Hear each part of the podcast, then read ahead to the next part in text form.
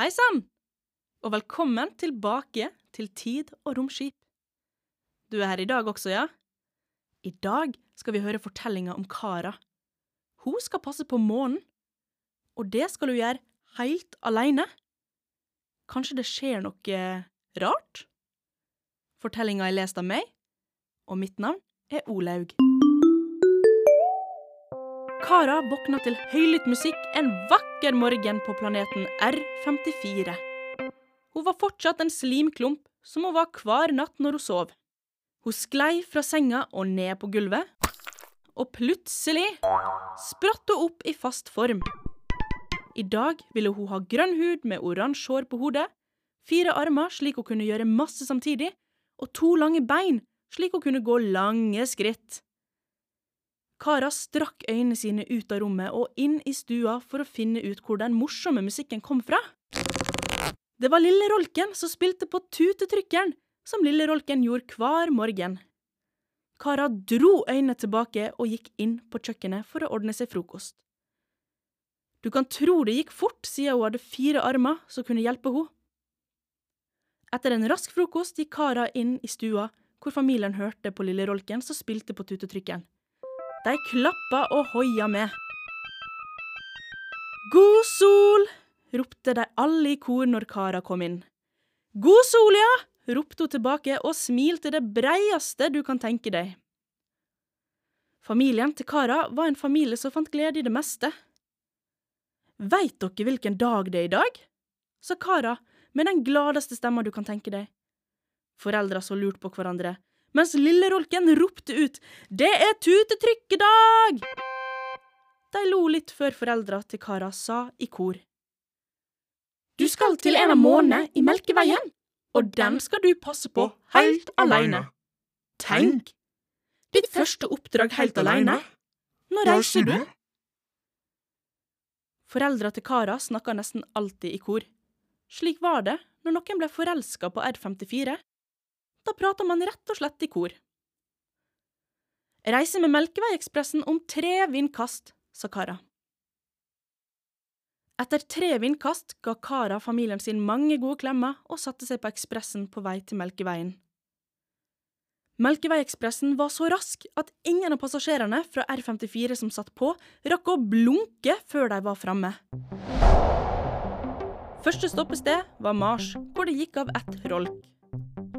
Neste stopp var månen.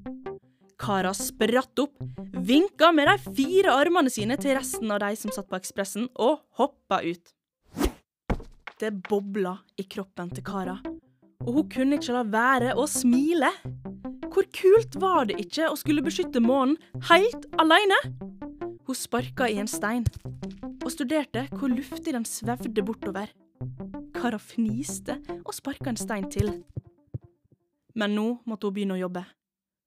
Kara la seg ned på magen og smakte litt på bakken.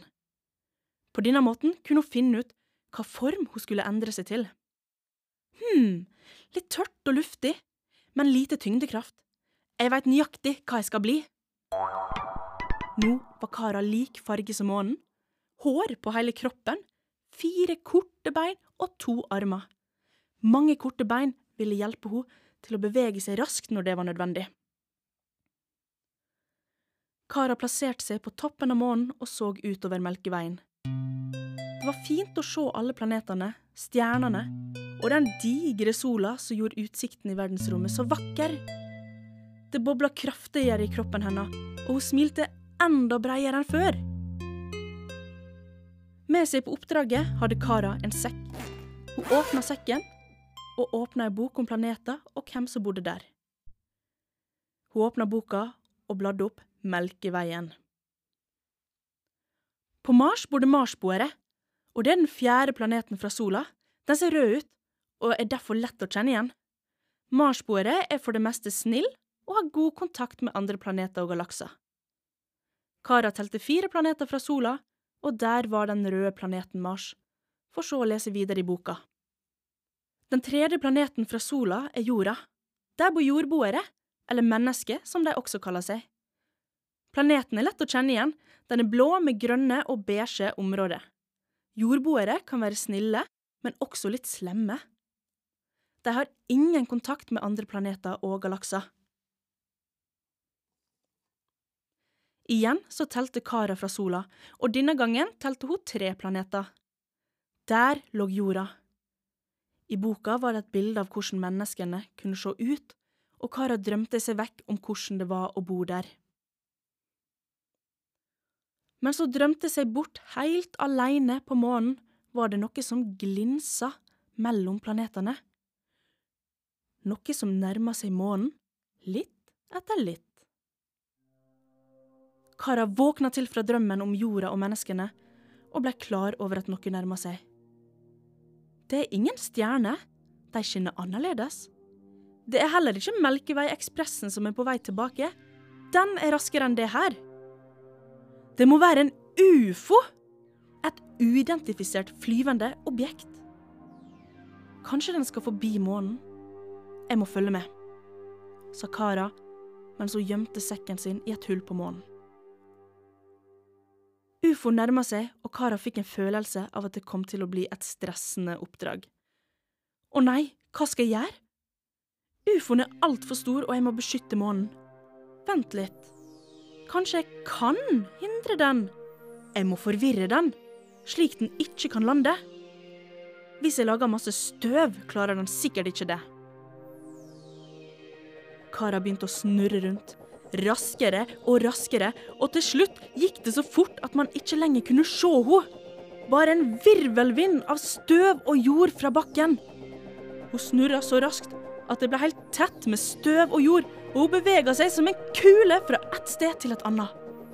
Dette er så gøy! ropte Kara. Jeg er verdens beste månevind!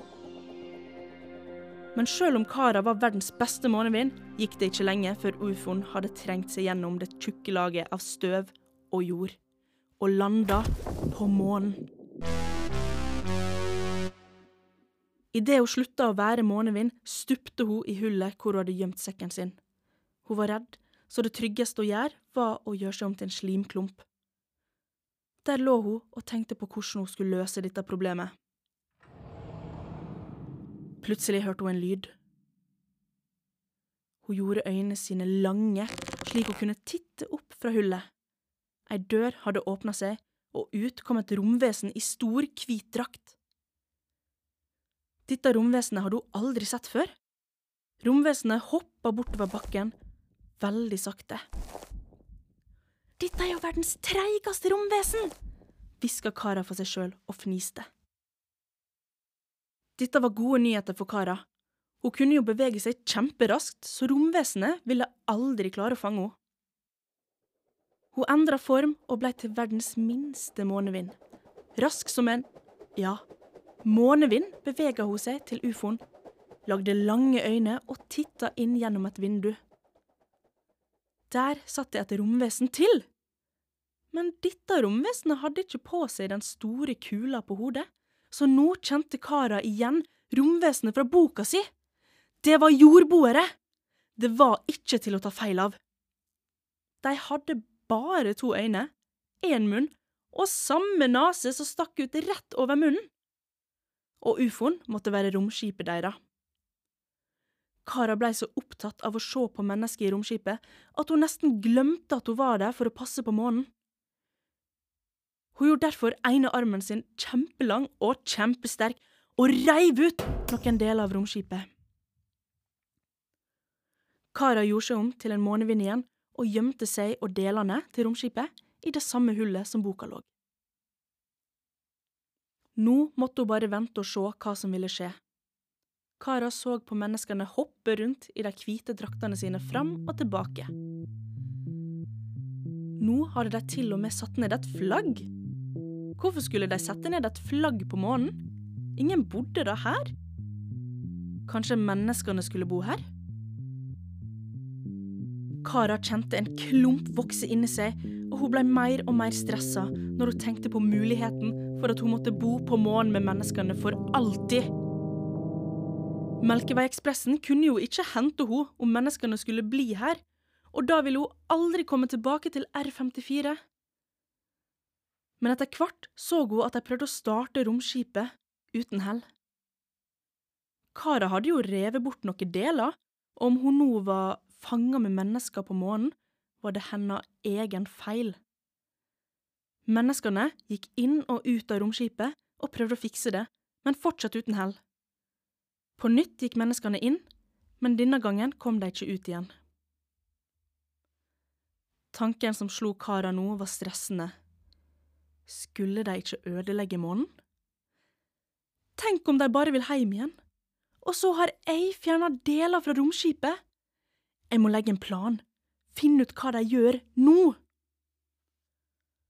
Kara var fortsatt litt redd, men om mennesker var snille og månen trygg, da måtte hun hjelpe dem hjem igjen.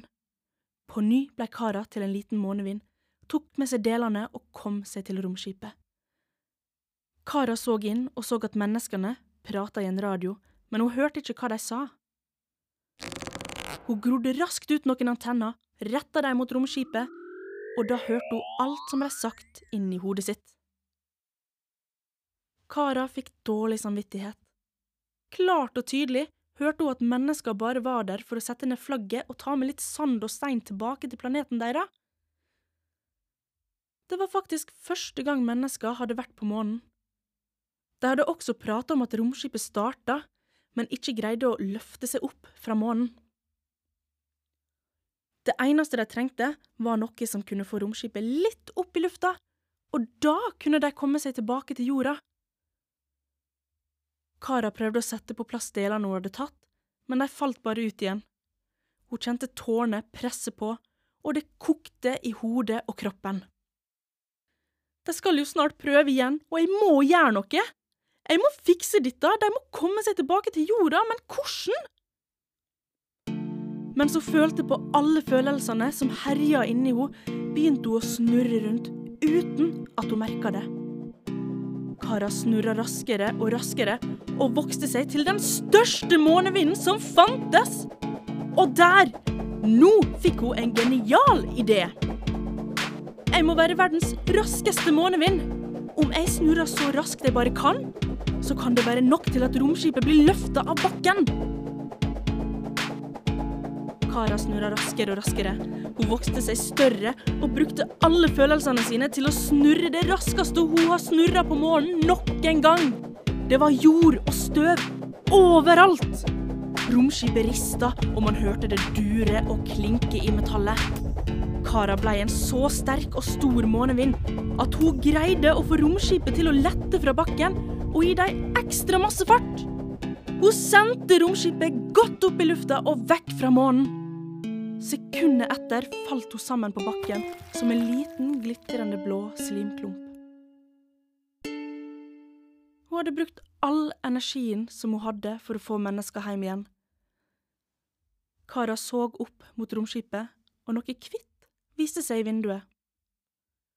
Hun gjorde en liten del av seg til ei hånd og vinka til romskipet og mennesker som så på henne.